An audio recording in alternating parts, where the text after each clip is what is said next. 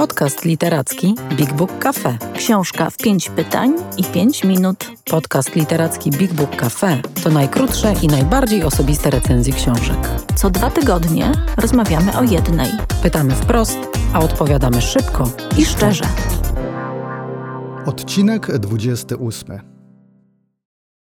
Dzień dobry, dzisiaj zapraszamy na już 28 odcinek naszego podcastu Książka w 5 minut i 5 pytań, a będziemy rozmawiać o książce Sztuka odpoczynku. Jak znaleźć wytchnienie w dzisiejszych czasach autorstwa Claudii Hammond. A o książce tej opowie Paulina Wilk, która sobie bardzo ceni jakość odpoczynku, zresztą tak jak jakość pracy. Ha, ha, ha. Bardzo I wszystko, no i wszystko wskazuje, że y, w tej książce znalazłaś inspirację. No a pyta Bartek Kamiński, który przez moje zamiłowanie do pracy też codziennie ma co robić w Fundacji Kultura Nie Boli. Ja tę książkę znalazłam e, w chwili odpoczynku właśnie, bo byłam w Londynie, w niewielkiej księgarni przy South Kensington. Zresztą byliśmy tam razem parę lat temu, też na wakacjach na przykład. Czyli ja potrafię odpoczywać. Ale faktem jest, że bardzo mnie ta książka przyciągnęła jakąś taką obietnicą, że pomoże mi y, znaleźć dobrą y, drogę do relaksu i odpoczynku, którego ja mm, bardzo, bardzo e, potrzebuję, bo miłość moja do mm, e, pracy jest nadmierna, tak to e, nazwijmy.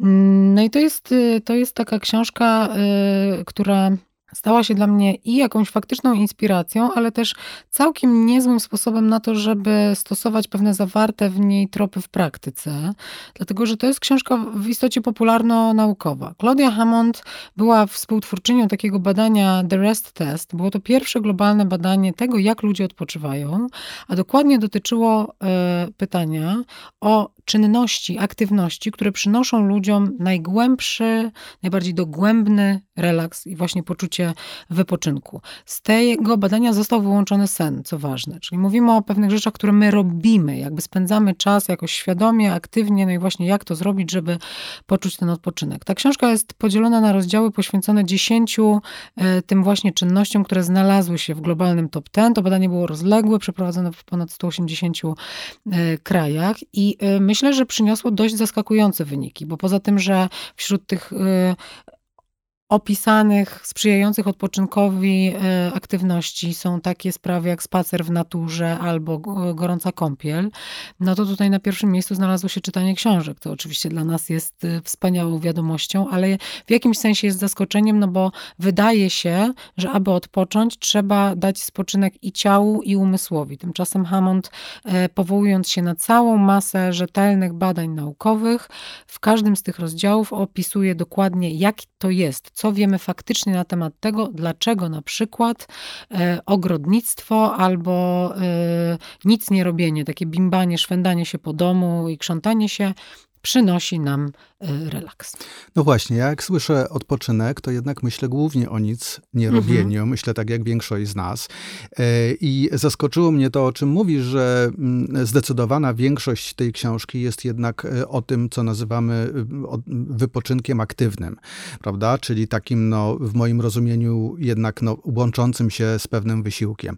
Powiedz parę słów więcej, skoro jest tutaj właśnie rozdział jednak o nic nie robieniu, E, czym to się różni? To znaczy, jakie są walory tego od, od, odpoczynku aktywnego i jak na tym tle wypada to nic nie robienie? Bo według mnie jest to najpełniejsza forma wypoczynku. E, ona rzeczywiście różnym ludziom przynosi bardzo głęboki odpoczynek, ale to nic nie robienie bardzo rzadko jest leżeniem bez ruchu na kanapie.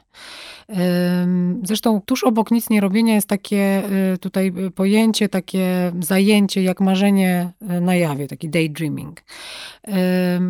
W obu tych sytuacjach my tak naprawdę y, nie dajemy y, mózgowi kompletnego spoczynku, tylko pozwalamy mu właśnie swobodnie meandrować. Tak się dzieje właśnie, kiedy krzątamy się w domu, kiedy ktoś do nas dzwoni i co robisz, a ty, y, ty mówisz, a tak się kręcę. Więc to tak się kręcę jest w gruncie rzeczy pewnym sposobem na pozwolenie naszym mózgom, żeby sobie spacerowały tam, gdzie chcą. Uwalniamy rozmaite myśli, one się też układają wtedy wtedy.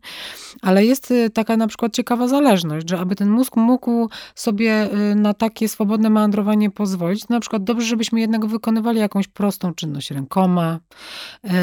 Jest wielu ludzi, którzy odpoczywają przy sprzątaniu, przy przygotowaniu i to, że my coś de facto robimy, Y, podejmujemy jakąś aktywność, wchodzi w dosyć dobrą interakcję właśnie z tym mózgiem, który nie chce być przesadnie zajęty, przestymulowany, tylko właśnie może, że tak powiem, odpalać y, na czerwone różne, różne y, obszary mózgu. W tym wymiarze też może być zaskakujące, co, co nam przynosi odpoczynek, na przykład bycie samemu ze sobą. Właśnie dlatego, że nie dostajemy wtedy silnych bodźców, na które musimy reagować, nie musimy z nikim rozmawiać, nie musimy być w żadnej roli. Bycie z samemu ze sobą jest odpoczynkiem w tym sensie, że my nie performujemy niczego i y, że y, na przykład taki czas, który zazwyczaj uważamy za niesłusznie zmarnowany, czyli czas dojazdu do pracy, Claudia Hammond wskazuje jako ten, który de facto daje nam tą bezcenną szansę na bycie ze sobą, na poczytanie sobie książki, posłuchanie podcastu.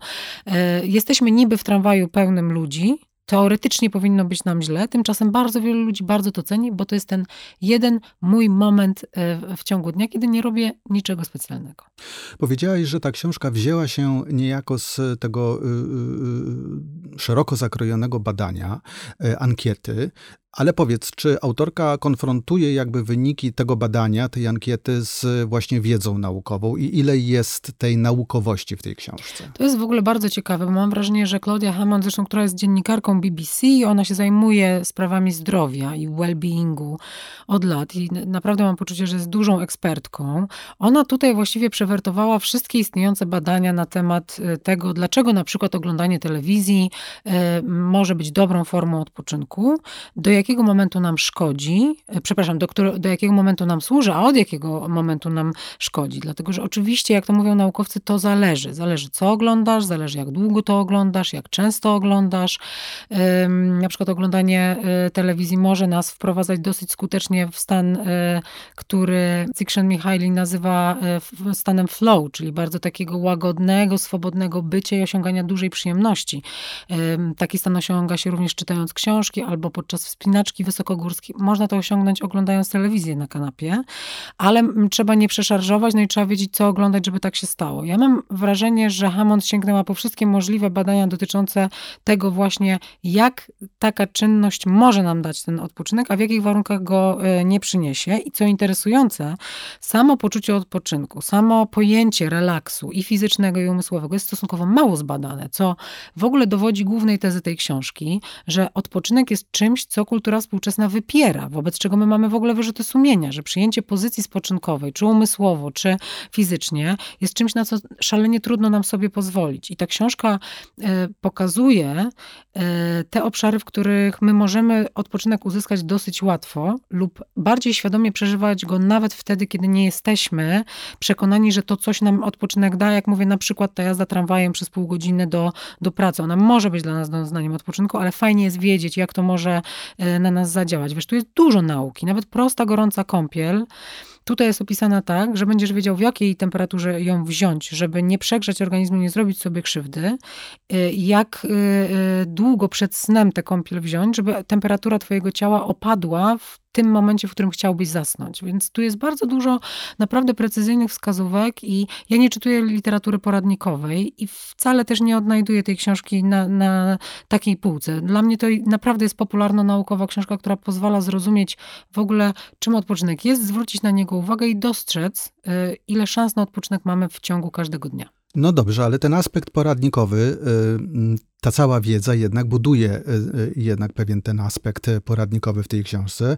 Więc na koniec zapytam cię, co ciebie szczególnie y, zainspirowało w tej książce? Znaczy, jaka forma odpoczynku, której y, niespecjalnie próbowałaś, a teraz y, chcesz ją włączyć w swój rytm dnia czy tygodnia? Jest coś takiego, że próbuję, zgodnie z tym, co Hammond mówi, czasami się po prostu zatrzymywać i tak sobie być, kręcić się po domu bez celu.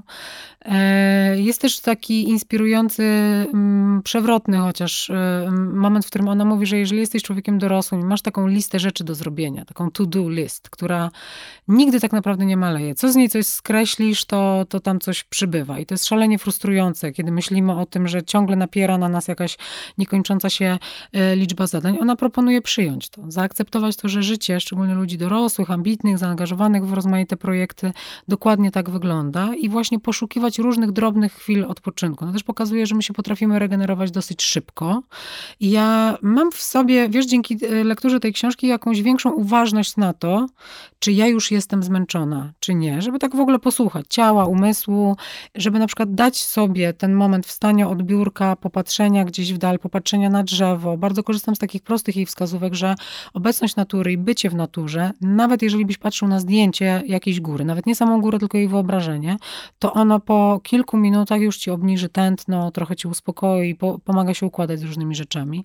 A taką najprostszą praktyką, którą sobie wzięłam z tej książki, to jest to, żeby kiedy się spaceruje, bo nie każdy spacer relaksuje, e, dobrze jest e, spacerować właśnie w naturze, więc jednak się wybieram z tym psem, wiesz, do Parku Skaryszewskiego, jednak jesteśmy tam, ale czasami możesz potrzebować spaceru w rzeczywistości bardzo prozaicznej i sobie znanej, żeby ona była bezpieczna, żebyś właśnie nie musiał myśleć o tym, gdzie jesteś, żebyś w ogóle nie musiał angażować swojego mózgu w rozpoznawanie topografii. Czasami jak ja nie mam sił już na więcej treści, rozpoznawanie czegokolwiek, to dobrze jest chodzić po ścieżkach, które znamy i nie ma w tym e, niczego złego. Także myślę, że to jest taka książka, którą naprawdę każdy jest w stanie w jakiś e, dość indywidualny i inteligentny sposób zaadaptować do praktyki codziennej. No dobrze, ja też spróbuję i postaram spróbuj, się wyłuskać spróbuj. dla siebie jakieś formy Bo tyle roboty w tym Booku, że przydałoby się odpoczywać nie tylko czytając. Ja myślę, że wiesz, że dla nas, dla ludzi kochających czytanie, ten ostatni rozdział jest szczególnie inspirujący, bo on też pokazuje, co czytać, żeby odpoczywać. My czytamy wiele rzeczy w związku z pracą i żeby nie